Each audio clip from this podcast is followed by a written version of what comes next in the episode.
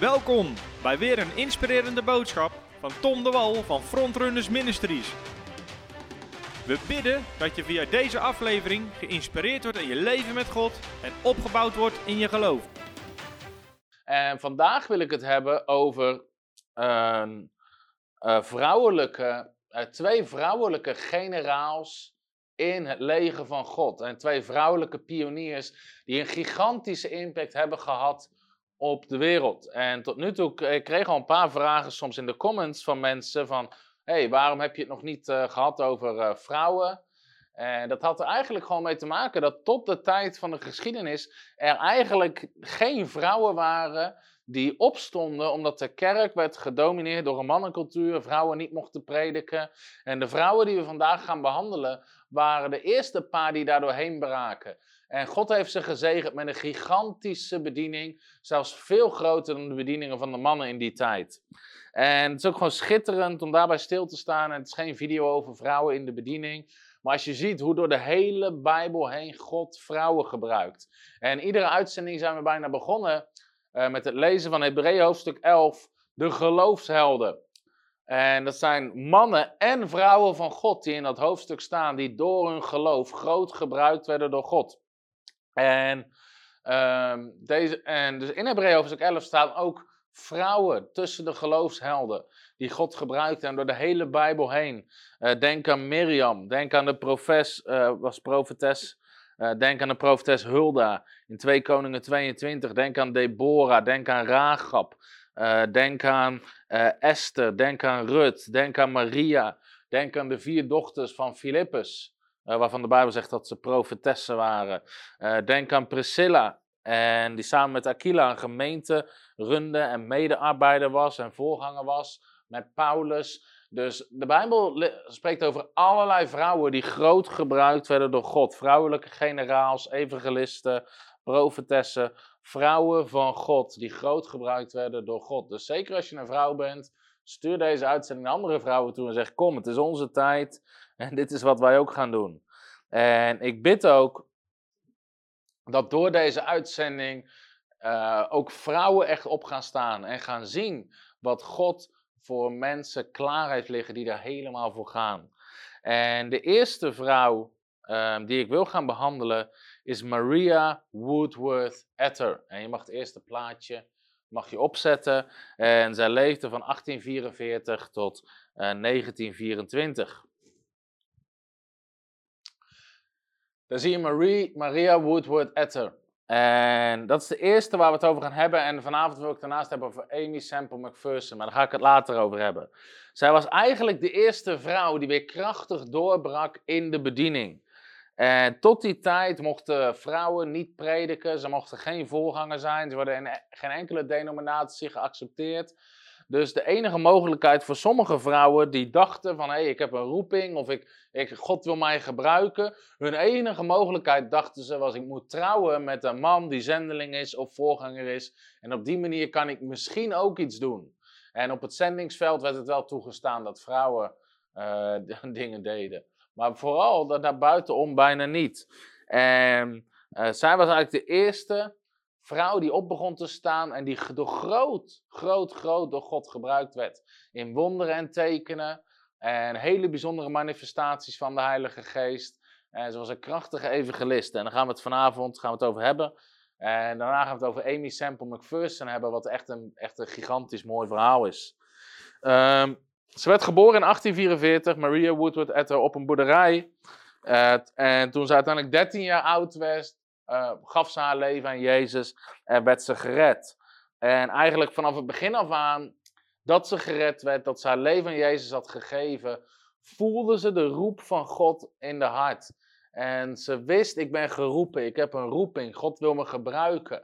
Alleen in die tijd, vrouwen hadden niet eens stemrecht. Laat staan dat ze mochten spreken in een kerk of door God gebruikt zouden worden. Dat is hoe mensen dachten.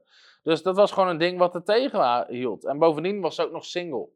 En dus ze dacht, ik moet een zendeling worden om, uh, om iets in de bediening te mogen doen. Dus ze wilde heel graag goede studie en wat talen leren, zodat ze zendeling kon worden. Maar ze groeide op op een boerderij waar haar uh, vader een bedrijfsongeval kreeg.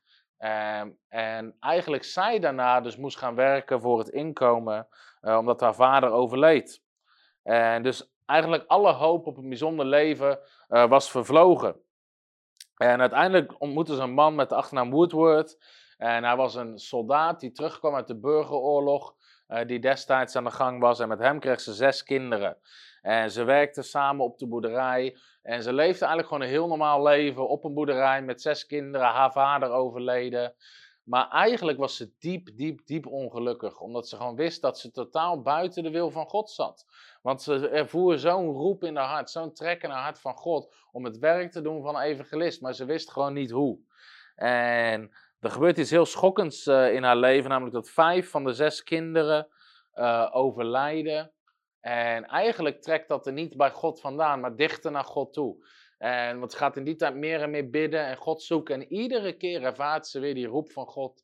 Die zegt, doe het werk van evangelist. Ga zielen winnen.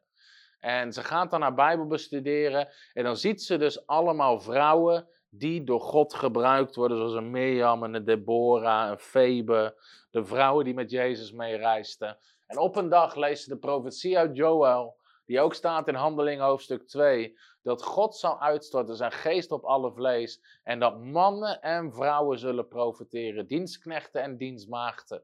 En op dat moment beseft ze de uitstorting en de kracht van de Heilige Geest is zowel voor mannen als voor vrouwen. En dat is eigenlijk het moment dat ze beseft en de keuze maakt, ik ga hier instappen. Ze, gaat ermee, ze ging ermee beginnen. En ze verdiepte zich in het woord van God, ze begon te studeren en uiteindelijk begon ze de eerste uh, diensten te houden. En vlak voordat ze die eerste diensten gaat houden, en wat in het begin aan familie en bekenden was, was het zo dat ze, uh, ze ging op een gegeven moment slapen en ze kreeg een visioen. En dit is bijzonder, omdat tijdens haar bediening is dat visioen letterlijk tot uiting gekomen, al heel snel. En in dat visioen werd ze meegenomen door twee engelen. En ze stond voor een gigantisch uh, korenveld. En die engelen zeiden tegen haar: predik, predik, predik. En ze begint te prediken en het koren valt op de grond. En dan zeggen die engelen: Als jij het evangelie van Jezus Christus spreekt, zullen mensen vallen voor je voeten. En dat is het visioen wat ze heeft. En dan besluit ze om te gaan starten met prediken.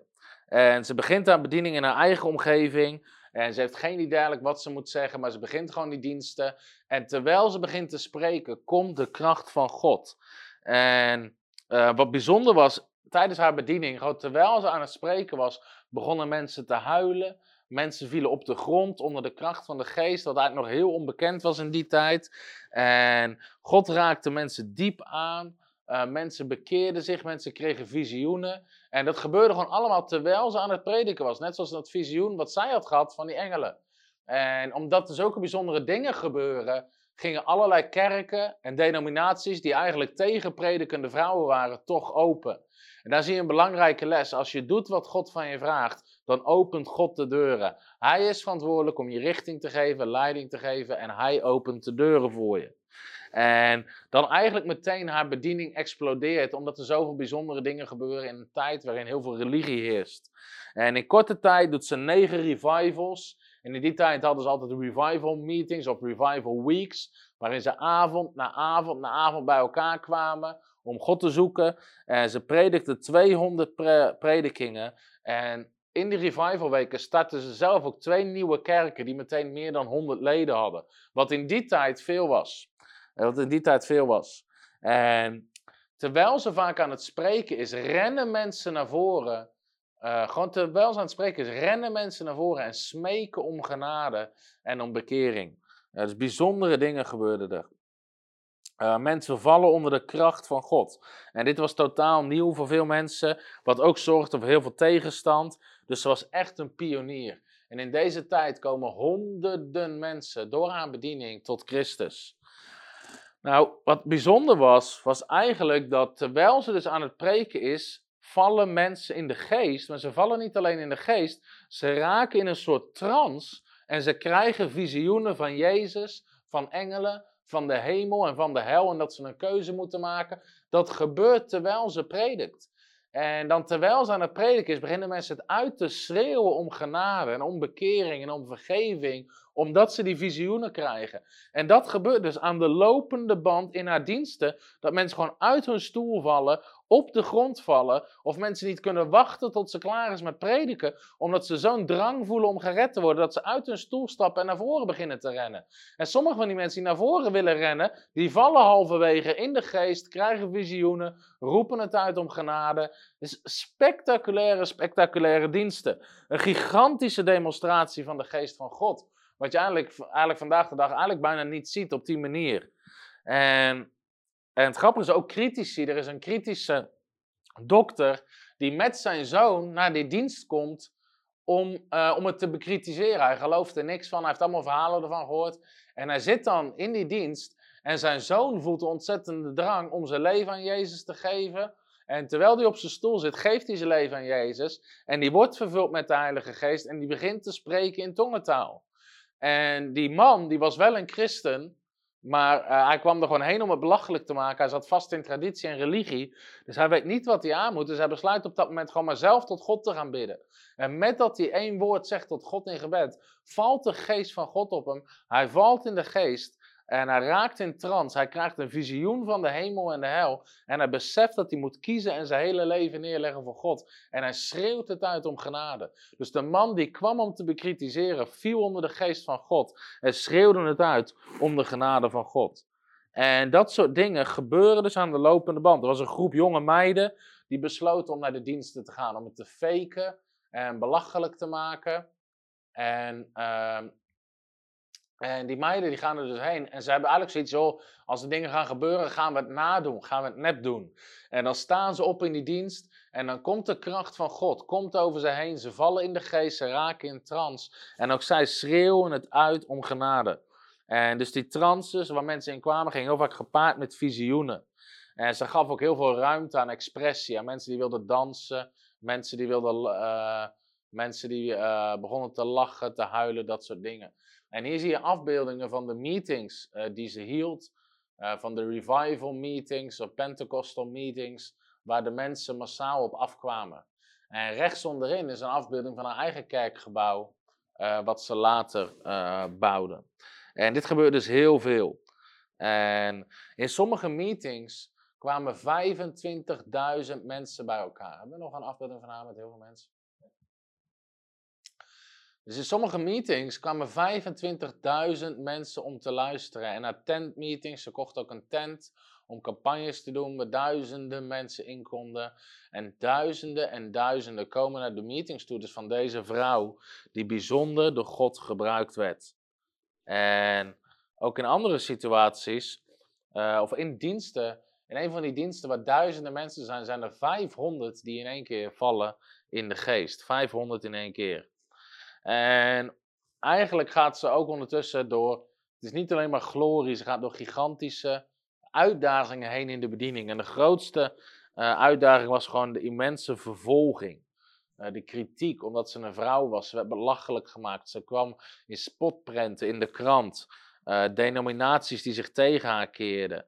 Uh, daarnaast een beweging van de geest, waar duizenden mensen op afkwamen, waar mensen vielen soms met honderden tegelijk in de geest, wat ook soms op een chaos leek, waarvan ze ook zelf niet goed wisten hoe ze de leiding aan moest geven.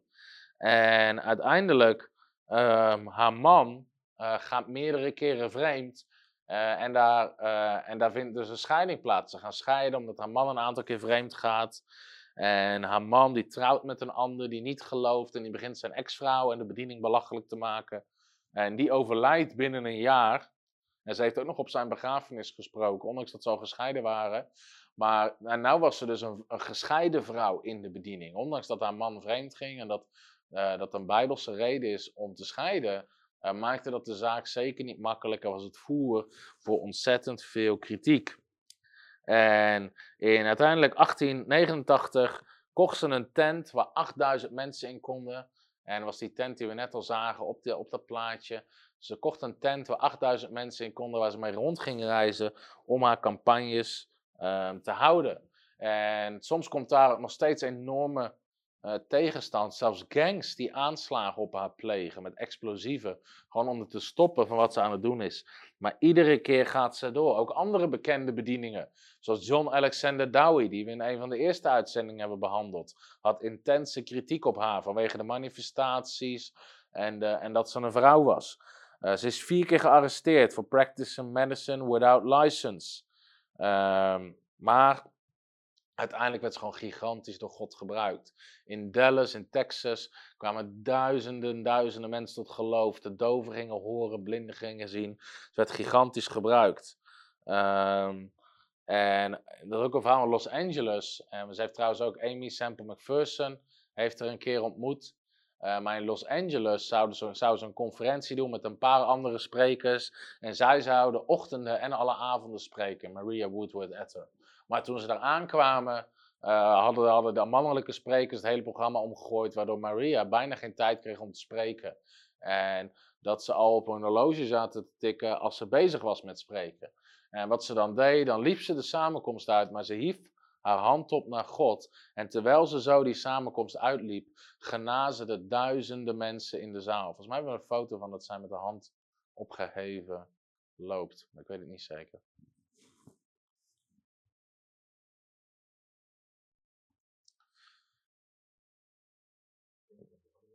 Nee? Oké. En uh, ja, hier zie je nog meer foto's, ook hoe ze rondreisden. En uh, een van de grote wonderen is een jongen met een kankergezwel in zijn nek die naar voren komt, dat iedereen kan zien zitten. En dan zegt ze tegen die jongen: We snijden het eruit met het zwaard van de geest. En ze legt de Bijbel op het gezwel. En voep, het gezwel verdwijnt. Dat soort wonderen gebeurden. Uiteindelijk, na 45 jaar bediening, duizenden predikingen. Uh, toen sprak God eigenlijk over het bouwen van een tabernakel, een plek voor constante samenkomsten. Uh, dat ze minder hoefden te reizen in West Indianapolis. En een permanente plek um, waar iedereen die haar bediening nodig had, gewoon kon komen. En daar bouwden ze die zaal van 500 mensen. Dat was de tweede foto. Uh, de rechtse foto van, de tweede dia. Dat was haar eigen zaal waar uh, ongeveer 500 mensen uh, in konden. waar ze dus constant aan het bedienen is. wat voor in die tijd gigantisch was. En ook in, de, ook in die samenkomsten constant mensen die hun leven aan Jezus willen geven. En terwijl ze naar voren lopen, halverwege al vallen in de geest vanwege de tegenwoordigheid van God. Uh, uiteindelijk, ze trouwt ook opnieuw met een andere man. Uh, en uh, uiteindelijk overlijdt zelfs haar zesde kind. Als zij zelf 80 is, dan is haar kind 60. Eh, haar dochter en haar tweede man. En uiteindelijk is ze dus 80, heeft ze duizenden keren gepreekt. Maar ze heeft ook zes kinderen en twee echtgenoten begraven. En overlijdt ze zelf als ze 80 is. En het bijzondere was, een uh, journalist, ongeveer uh, in, uh, al 50 jaar nadat ze dood is, kwam een journalist wat verhalen tegen over deze vrouw. En die dacht, joh, dit kan toch niet waar zijn? De zulke grote wonderen, zulke gigantische verhalen, dat hij besloot onderzoek te doen. Op alle plekken waar ze geweest was, krantenarchieven op te zoeken, nieuwsberichten uit die tijd. En zijn conclusie was eigenlijk dat de wonderen nog veel en veel groter waren dan hij gedacht had. Overal waar hij kwam, kwam hij zulke gigantische getuigenissen van genezingen tegen. We gaan verder met het tweede deel. En het tweede deel gaat over een, uh, een vrouw waardoor ik zelf eigenlijk ook weer diep geraakt werd in het voorbereiden van deze, uh, van deze uitzending. Namelijk over Amy Sample McPherson. En ze staat hier ook op de cover van het boek van uh, God's Generals, hier in het midden. En Amy Sample McPherson was uh, eigenlijk het een bijzonder verhaal. Het is een spectaculair verhaal. We hebben ook videobeelden erbij. Maar het is ook een heel uitzonderlijk verhaal eigenlijk. Omdat ze was een, uh, ze was een gigantisch krachtig evangelist, apostel.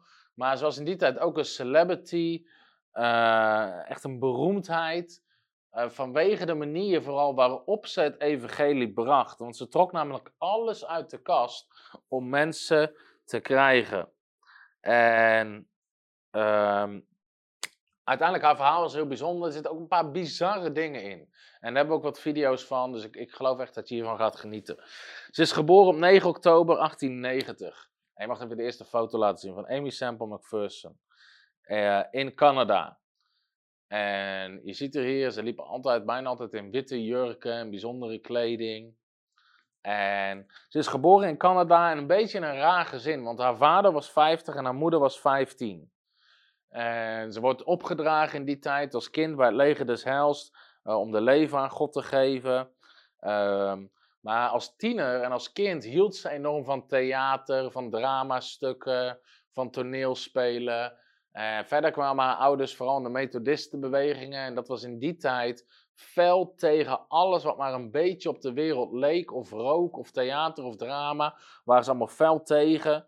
Eh, tegen foto's, tegen film, tegen alle creativiteit. Eh, terwijl ze was een heel creatief en uniek persoon. Dus ze landde niet echt lekker in die cirkels. En uiteindelijk hoort ze, toen ze 17 jaar oud was, van een Holy Ghost Revival Meeting. En ze ziet een affiche bij haar in de stad, een Holy Ghost Revival Meeting. En de prediker die er kwam, eh, was Robert Semple. En ze had verhalen gehoord van Azusa Street, eh, vallen in de geest, ehm, eh, dat soort dingen. Dus daar had ze verhalen van gehoord. Dus ze was benieuwd naar zo'n revival meeting. En ze ging naar die meetings toe, daar hoorde ze het evangelie, daar werd ze opnieuw geboren. En eigenlijk op het moment dat ze haar leven aan Jezus geeft, hoort ze de stem van God die zegt, become a winner of souls. Become a winner of souls. Word een zielenwinner. En ook voor haar geldt eigenlijk hetzelfde als voor Maria Woodward Etter in die tijd. Uh, vrouwen mochten niet prediken. Um, en ze, ze, ging dus haar Bijbel in om te onderzoeken van, joh, wat heb ik nodig om te prediken? En ze komt erachter, het enige wat ik nodig heb is de Heilige Geest en de kracht van de Heilige Geest. Nou, in die tijd had je veel tarrying meetings, wachtsamenkomsten. Omdat er waren hele doctrines gebouwd op de tekst uit Handelingen, waar Jezus zegt, wacht op de Heilige Geest. En heel veel mensen beseften niet, wacht, de Heilige Geest is al uitgestort. Zij moesten wachten op de Pinksterdag, maar de Pinksterdag is sindsdien nooit meer weggegaan. Dus hele groepen zaten massaal te wachten op de Heilige Geest, omdat ze dachten dat dat de manier was waarop ze de Heilige Geest konden ontvangen.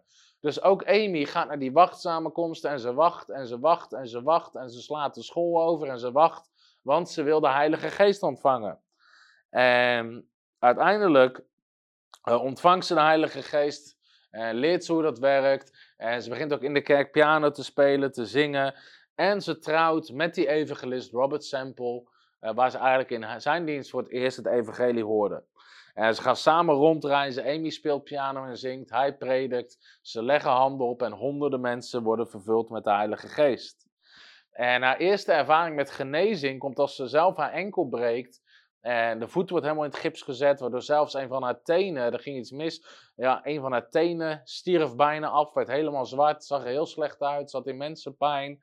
En terwijl ze aan het bidden was, sprak God tot haar om naar een broeder uit de gemeente te gaan in de kerk en te vragen of dat hij handen op wilde leggen. En ze doet dat, ze, loopt kreupel er naartoe, ze loopt de kerk binnen, ze vraagt wil je handen opleggen. En op het moment dat hij dat doet, komt de kracht van de Heilige Geest, komt overheen, ze geneest. En ze knipt ook meteen het gips eraf en ze danst door de kerk uh, vanwege de genezing. Uh, dan maken ze eigenlijk een keuze uit de wil van God. Want ze, omdat zij zo graag iets in bediening wil doen en dat nergens kwijt kan, besluit ze samen met haar man om als zendelingen dan maar naar China te gaan. Um, en daar gebeuren eigenlijk een, nou, een aantal verschrikkelijke dingen, want haar man overlijdt daar aan malaria. Zij was net zwanger van de man en uiteindelijk krijgt ze daar dus haar dochtertje. Uh, en dan uh, zit ze alleen met haar dochtertje in China, waar ze verder niemand kent. En uiteindelijk kan ze gelukkig terug met de boot en komt ze weer bij haar moeder terecht. En ze trouwt opnieuw in Amerika met Harold uh, McPherson. En dan eigenlijk een aantal jaar lang rent ze weg van de roeping, omdat ze gewoon terechtkomt in huisje, boompje, beestje, een normaal gezin, werken. En is ze eigenlijk niet meer bezig met de bediening.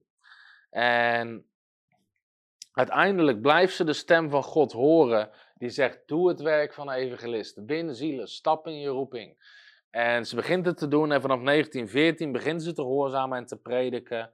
En eigenlijk haar bediening groeide gigantisch hard, zeker in die tijd. Uh, want vanaf 1915 kwamen er al meer dan 500 mensen in haar samenkomsten.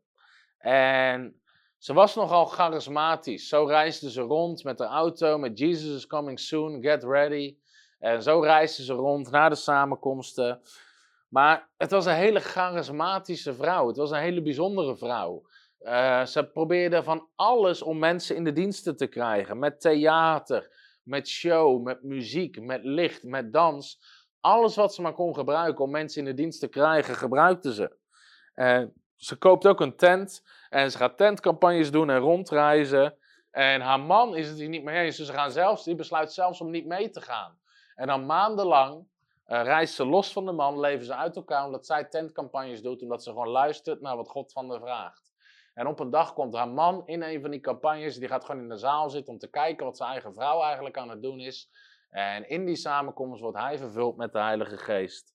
En gaat haar vanaf dat moment helpen.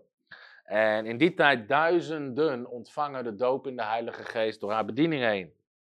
Nou, nogmaals, ze was echt een persoon van drama en actie. En een van de dingen die ze wel eens deed om mensen, als ze een meeting hield in een kerk door de week, en er waren niet veel mensen. Een van de dingen die ze deed was dat ze een stoel pakte uit de kerk, naar het dorpsplein liep en dan ging ze op die stoel staan. Ze deed de handen in de lucht, ze strekte de handen uit en ze deed haar ogen dicht. En verder bewoog ze helemaal niet meer.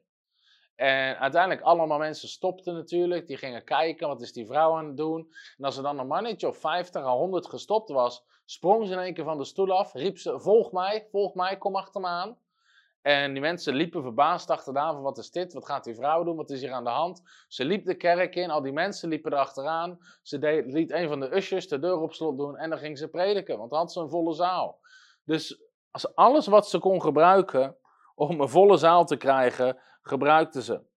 En in de zeven jaar, eigenlijk vanaf dat moment, doorkruiste zes keer heel Amerika. Uh, ze preekt in meer dan honderd steden. In sommige twee avonden, in sommige een maand. En wonderen beginnen te gebeuren. En, en God gaat echt grote genezingswonderen doen uh, door haar heen. En uh, een van de dingen die ze doet om de samenkomsten vol te krijgen, naast die actie met die stoel, is dat ze een vliegtuig huurt Waar je in die tijd gewoon achterin kon zitten met een, een soort uh, open dak, met twee van die vleugels. En ze 30.000 flyers over de stad uitgooit, zodat de mensen uh, naar de dienst komen. Die hadden natuurlijk nog nooit zoiets gezien dat flyers uit een vliegtuig gegooid werden. En overal in de stad lagen de flyers. Dat soort dingen deze om mensen naar de dienst te krijgen. En ze was een, een sterke vrouw met, met ook een gigantisch geloof. Van een van de avonden in die tentmeetings en in dit tijd had je van die olielampen, ontplofte een van die olielampen vlak bij haar gezicht en haar gezicht staat in brand. En ze kan haar gezicht in een emmer water stoppen, dat dooft, maar haar hele gezicht is rood, haar huid is verbrand. En een van de ushers rent het podium op en die roept heel snel van... Mensen, de samenkomst is afgelopen, ga naar huis, ga naar huis. Want die wil iedereen weg hebben om voor haar te zorgen. Maar zij zegt, nee, niemand gaat naar huis. En terwijl ze dus verbrand is, net een minuut daarvoor, gaat ze achter de piano zitten en begint ze liederen te zingen over genezing. En terwijl ze aan het zingen is, wordt haar hele gezicht uh, wordt verlicht en geneest. En terwijl iedereen het ziet, wordt ze genezen in die dienst. En uh, dan gebeurt er iets wat eigenlijk haar bediening nog veel lastiger maakte, is dat haar man besluit van haar te scheiden omdat elke keer rondreizen, heel Amerika door met die tent. Hij zag het niet zitten, hij wilde een normaal leven.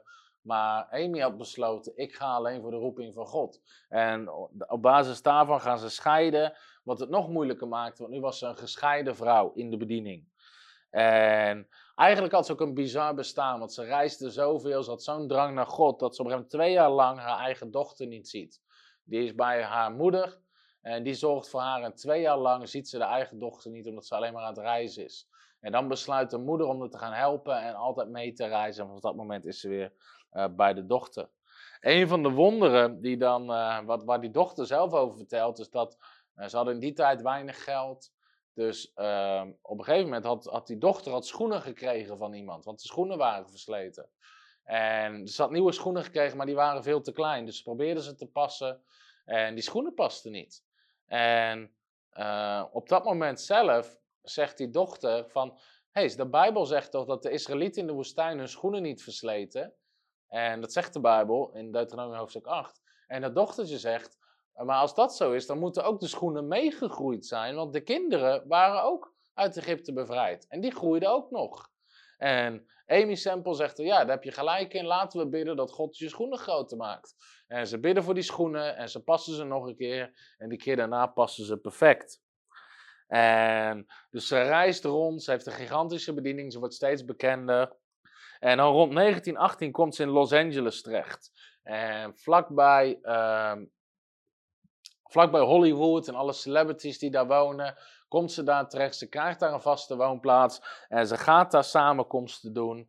En God beweegt, ze doet van alles om mensen in de samenkomsten te krijgen. Duizenden worden gered. En in die tijd krijgt ze ook een ongekende bekendheid. En hier zie je een van de foto's van allerlei kinderen waar ze naar bedient. Uh, je mag even de eerste video laten zien. Daar zie je de bekendheid die ze genoot in Los Angeles. En daarom zei ik al, ze was in die tijd een soort celebrity.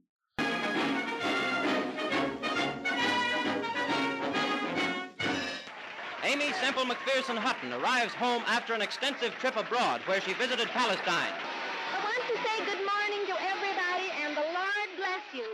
I can't shake hands with you, but we can wave our hands and God bless you, one and all. Won't you sing one of your temple choruses for me?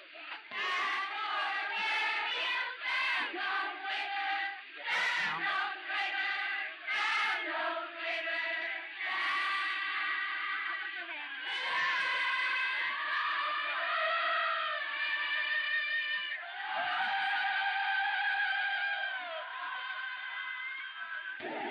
then, surrounded by her many admirers, Amy left for home, glad to be back in California. Uh, in deze video zie je dus eigenlijk, dit is zelfs nog in haar begintijd in Los Angeles, maar haar bediening groeit zo ontzettend en haar bekendheid groeit zo ontzettend, dat je ziet, ze kan niet eens normaal over straat, uh, of de mensen drommen om de heen, ook vanwege de genezingen, de wonderen, de bekendheid. Ze was ook een, een flamboyante vrouw met een, met een bijzondere uitstraling, met een bijzonder charisma.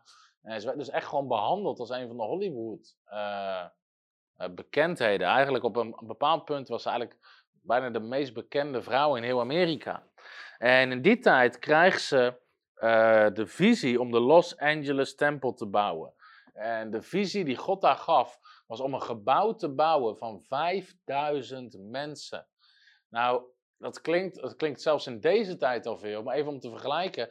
Het grootste kerkgebouw in Nederland kunnen er volgens mij, ik had nog even opgezocht, 2800 in. En de, degene daaronder rond de 2000. Dus dat is meer dan twee keer zoveel dan de grootste kerkgebouwen in heel Nederland. In die tijd, door een vrouw, die, uh, een vrouwelijke bediening, die even de grootste kerk, en dat was dus dat ook de grootste kerk van Amerika gaat bouwen. Een vrouw die in er eentje is, die de grootste voorganger wordt van de grootste gemeente in Amerika. Dat was ongehoord. Maar ze kreeg die visie in haar hart eh, om dat te gaan doen. En uiteindelijk heeft ze dat dus ook gedaan. In, van 1919 tot 1923 reisde ze dus in vier jaar tijd negen keer de VS rond om te prediken, mensen te bereiken, eh, maar ook de mensen om de kans te geven om te zaaien in de visie die ze had. En natuurlijk begint ze dan vanaf dat moment ook op te vallen, nog meer bij de media en de pers, die in één keer horen van iemand die een gebouw gaat bouwen, een soort colosseum voor 5000 mensen. Uh, dus de pers duikt alleen maar meer bovenop haar. Um, maar in die tijd werd ze gewoon gigantisch gebruikt door God. En op verschillende plekken uh, huurde ze een stadion van 16.000 mensen voor haar samenkomsten, die iedere dienst vol zat. En ook genezingsdiensten met ongekend resultaat. En je mag eerst even video 4 doen. She wanted a revival that would uh, would reach to the horizon, but she looked out on the crowd and she was terrified. McPherson had conducted healing services before, many times, but never in front of such a large crowd, estimated at 30,000. The first one who came to the stage was an elderly woman who had been paralyzed from her waist down from the time that she was a child. Jesus Christ Nazareth, and. And there's a wonderful photograph of her getting up out of the wheelchair and walking for the first time. Glory, glory, glory to God. Nou, hier zie je dus een beetje um, de, de wonderen. Hier, je dus een van de wonderen die plaatsvond en de menigte die erop afkwamen. Ook op andere plekken Eh, in Denver, Colorado, eh, huurden ze drie weken lang een stadion voor 16.000 mensen. En drie keer per dag zat het vol.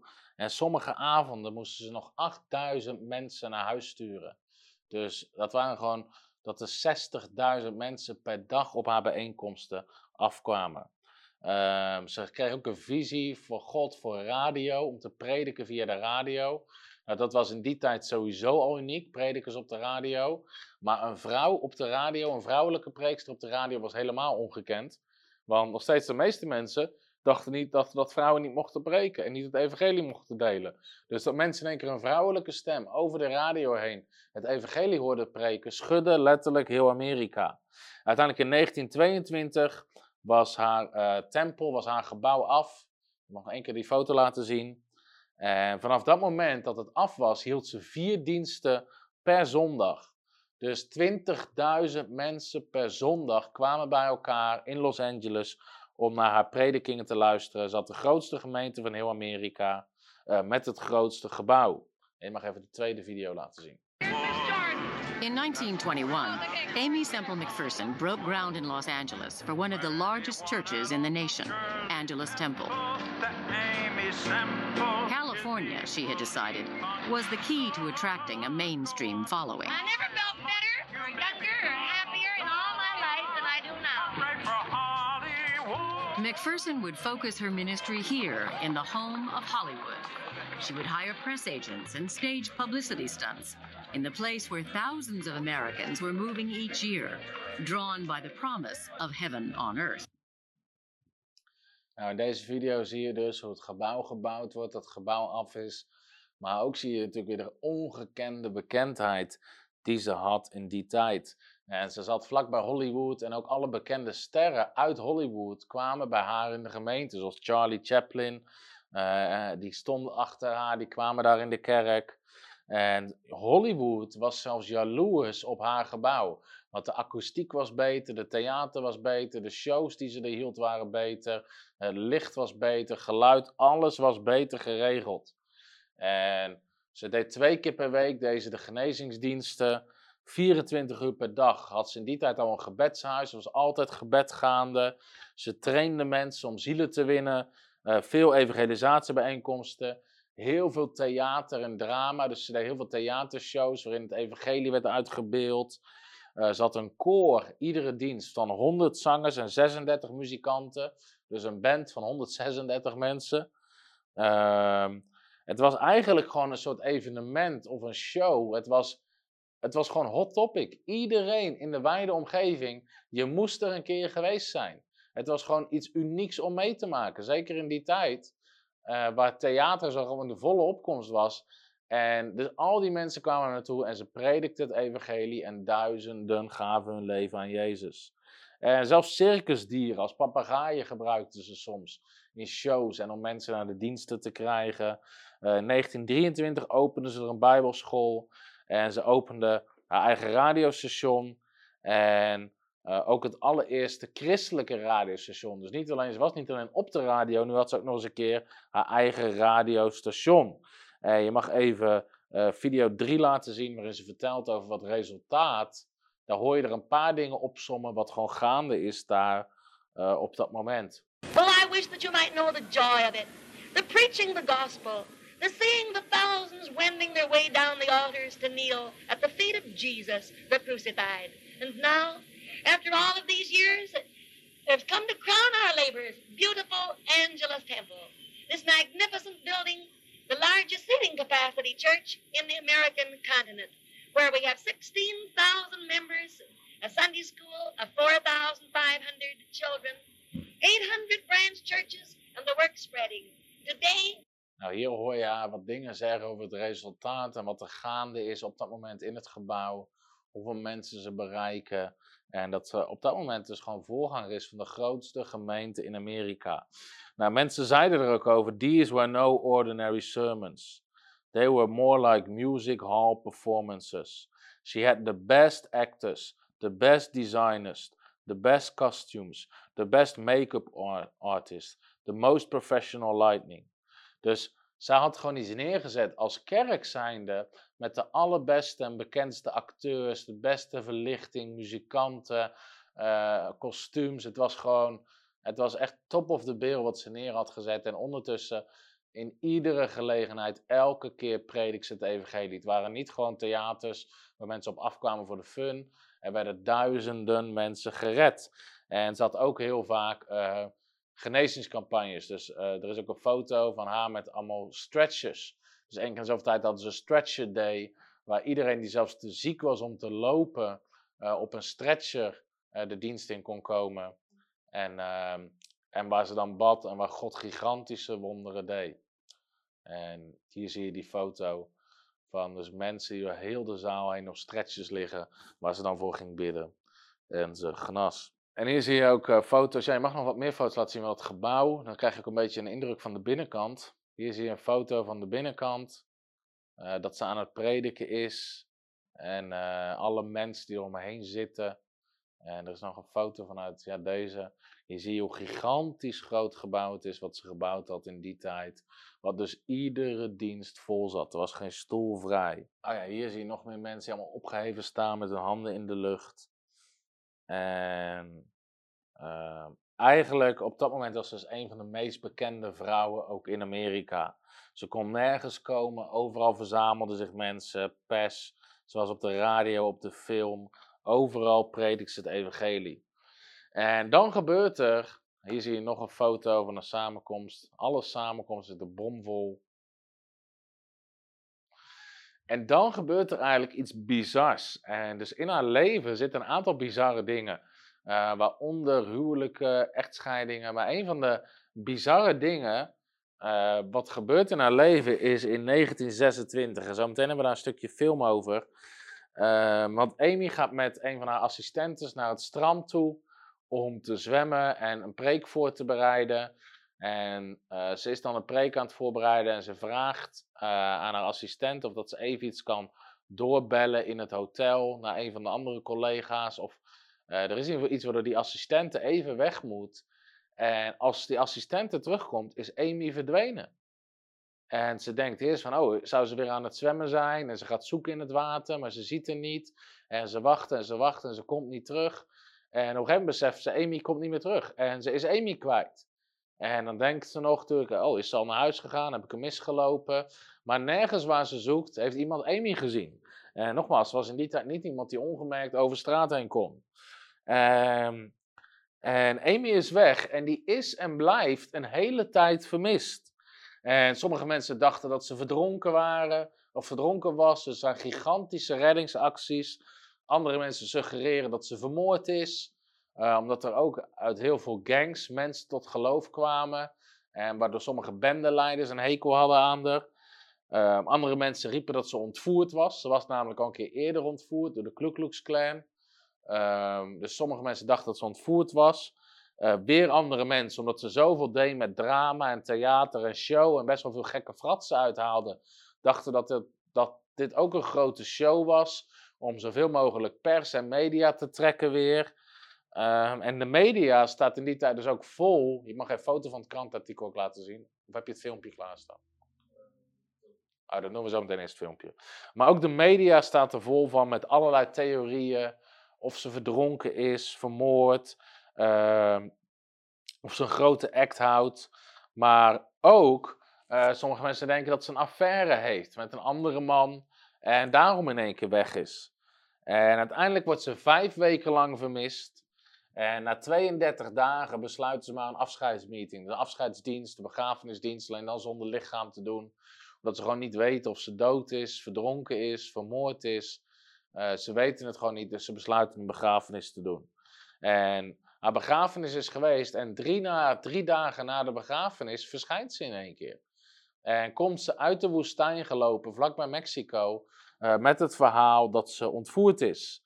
En, uh, en sommige mensen geloven het niet, er worden rechtszaken tegen haar aangespand. Haar advocaat die haar verdedigt en die in het onderzoek duikt van de ontvoering, wordt zelfs vermoord. Er gebeuren een aantal bizarre dingen om dat verhaal heen.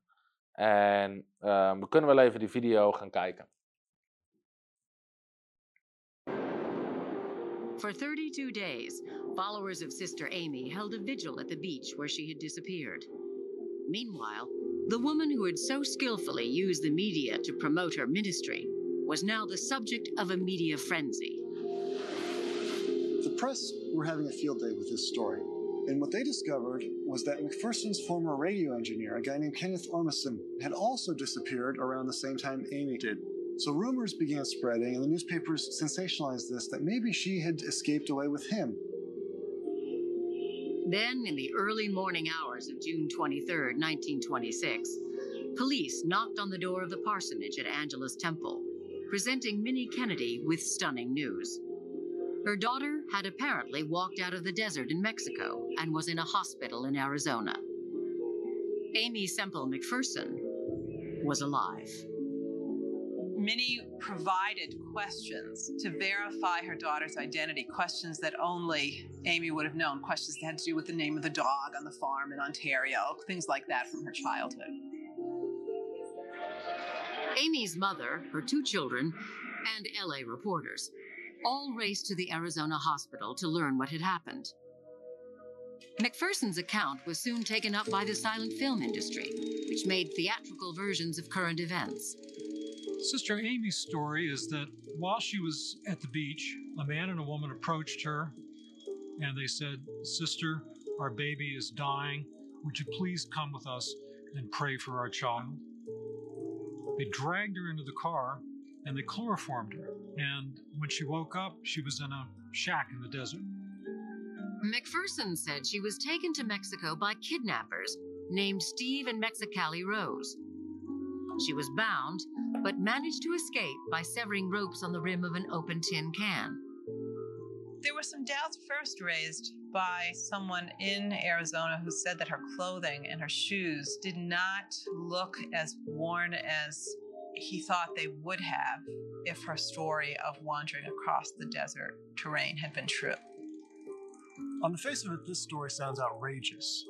But in fact, the FBI had been investigating a number of kidnapping rings in Southern California, and just a few months earlier, a wealthy white Angelino had been kidnapped and taken down to Mexico.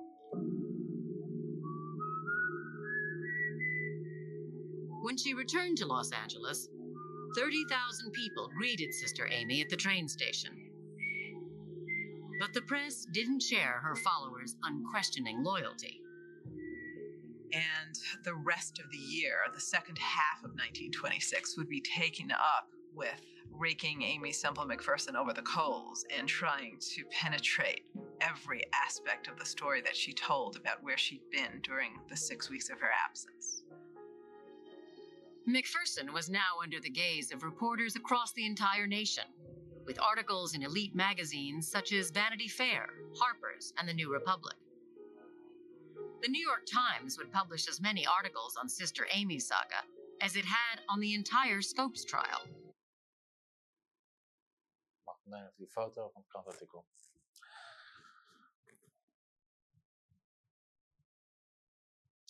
Nou, je snapt natuurlijk dat dit een gigantisch eh, drama, raar verhaal, bizar iets is. En dus de kranten stonden er vol van. Je ziet zelfs stukken film werden erover gemaakt, documentaires. Eh, het was gewoon het nieuws in Amerika. Dat de voorganger van de grootste gemeente in Amerika eigenlijk een celebrity in één keer verdwenen was en niemand wist waar ze was. Eh, bizar natuurlijk. Maar toen ze terugkwam stonden 50.000 mensen op haar te wachten. En ze zette de diensten er gewoon weer door. Ze ging gewoon verder waar ze gebleven was. Uh, ze kwam zelfs in discotheken, dansclubs, poolhalls, bokswedstrijden. Gewoon om aan te kondigen dat ze diensten hadden. En uiteindelijk uh, gaat het wel steeds slechter met haar leven vanaf 1930. Uh, omdat ze eigenlijk gewoon de druk van zo bekend zijn, de media-aandacht, de constante werk niet aan. En emotioneel en fysiek is ze helemaal kapot en uitgeput. Ze heeft ook al jarenlang geen vrienden meer, geen close friends. Um, omdat iedereen die op haar pad komt, wil haar min of meer gebruiken voor gewin, voor bekendheid, uh, voor zakelijke doeleinden, voor van alles en nog wat. Dus ze is niet echt close op persoonlijk gebied met mensen. Um, uiteindelijk in haar zoektocht naar vertrouwen en gewoon een, ook misschien een stuk stabiliteit in haar leven, trouwt ze voor een derde keer. Eh, maar dat huwelijk ehm, eh, gaat ook mis. Ehm, eh, uiteindelijk gaat ze nog een tijd door Europa reizen waar ze samenkomsten doet. En uiteindelijk tussen 1938 en 1944, dus de jaar, laatste zes jaar van haar leven, is het relatief stil rondom de leven. Hoewel ze wel enorm veel voorgangers en bedieningen traint, zendelingen uitzendt en via die voorgangers weer honderden kerken start. En uiteindelijk overlijdt ze veel te vroeg, lichamelijk ontzettend zwak en helemaal uitgeput op 53-jarige leeftijd op 27 september 1944. Nou, meer dan 60.000 mensen kwamen afscheid nemen als haar lichaam opgebaard ligt uh, in, uh, in haar eigen gebouw. Uh, maar goed, wat ze opgezet heeft was gigantisch. Het grootste kerkgebouw in heel Amerika, de bekendste voorganger van de grootste gemeente, als vrouw, nogmaals in die tijd. Uh, ze startten een nieuwe denominatie, de eigen denominatie, International Church of the Fourth Square Gospel, het vierdelige evangelie. Uh, wat ze noemden, Jezus is redder, Jezus genezer, Jezus doper in de Heilige Geest en Jezus is koning. Um, honderden voorgangers en andere gemeentes worden daardoor gestart. Duizenden keren heeft gepreekt, tot miljoenen mensen, uh, gigantisch veel bekeerlingen. Ze heeft meer dan 175 nummers geschreven die in die tijd overal gezongen worden. Uh, allerlei drama's en theatershows om het evangelie te verspreiden. Uiteindelijk vanuit haar bijbelschool heeft ze 8000 andere bedieningen kunnen trainen. En tijdens de grote depressie of de grote crisis in die tijd uh, was ze in staat om met haar gemeente voor anderhalf miljoen mensen te zorgen. Qua eten, kleding en de noodzakelijke dingen. Dus uiteindelijk de vrucht van haar leven, en daarom zul je voornamelijk heel veel positieve dingen over haar leven. Van de vrucht en de resultaat en de impact was gigantisch. En was groter eigenlijk dan de negativiteit en de rare en vage dingen uit haar leven. En eigenlijk wat ze deed, was ze daagde een religieuze geest uit. Uh, een religieuze geest die zei dat dingen niet mochten, dingen niet konden. Zoals vrouwen die prediken, vrouwen die evangeliseren, een mooi gebouw, nette spullen, drama, theater, muziek, licht. Uh, het is een stem van een religieuze geest die zegt mag niet, kan niet. Uh, maar Amy begreep dat ze relevant moest zijn voor de wereld, wilde mensen komen. En ondanks dat ze geen water bij de wijn deed qua boodschap en genezing en wonderen, wat ze in de samenkomst gewoon kon doen voor de mensen. Dus dat ze het bijzonder vonden om te komen, dat paste ze allemaal toe. Dus uiteindelijk was het een aparte vrouw. Het was een bijzondere vrouw. Maar ze werd gigantisch door God gebruikt. Gigantische genezingen en wonderen. En ik hoop ook dat haar leven een enorme, enorme inspiratie is. Voor heel veel vrouwen en mannen vandaag de dag. En ook voor heel veel kerken vandaag de dag. Om niet te luisteren naar een religieuze geest. Uh, maar gewoon te doen wat God van je vraagt. En alle middelen die we tot onze beschikking hebben, gebruiken om het evangelie bij mensen te brengen.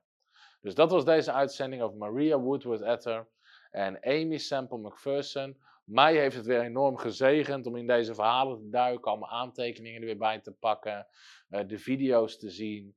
En het zorgt gewoon dat ik in mijn hart aan het bidden ben. En ik zeg, Heer, doe het opnieuw. Doe het opnieuw in onze tijd. Laat in deze tijd mannen, vrouwen opstaan om te wandelen in de kracht van de Heilige Geest. Bedankt dat je hebt gekeken. En zet hem ook weer op YouTube. Als je niet geabonneerd bent, abonneer je. Als je geen partner bent, word partner. Help ons mee.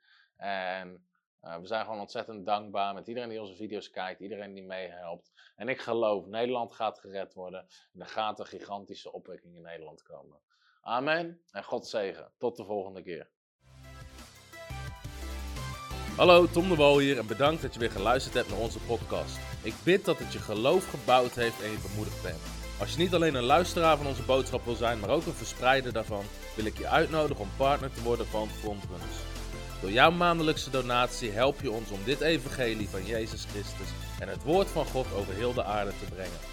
Om partner te worden, ga naar www.frontrunnersministries.nl slash partners en word partner. Hartelijk bedankt en tot snel.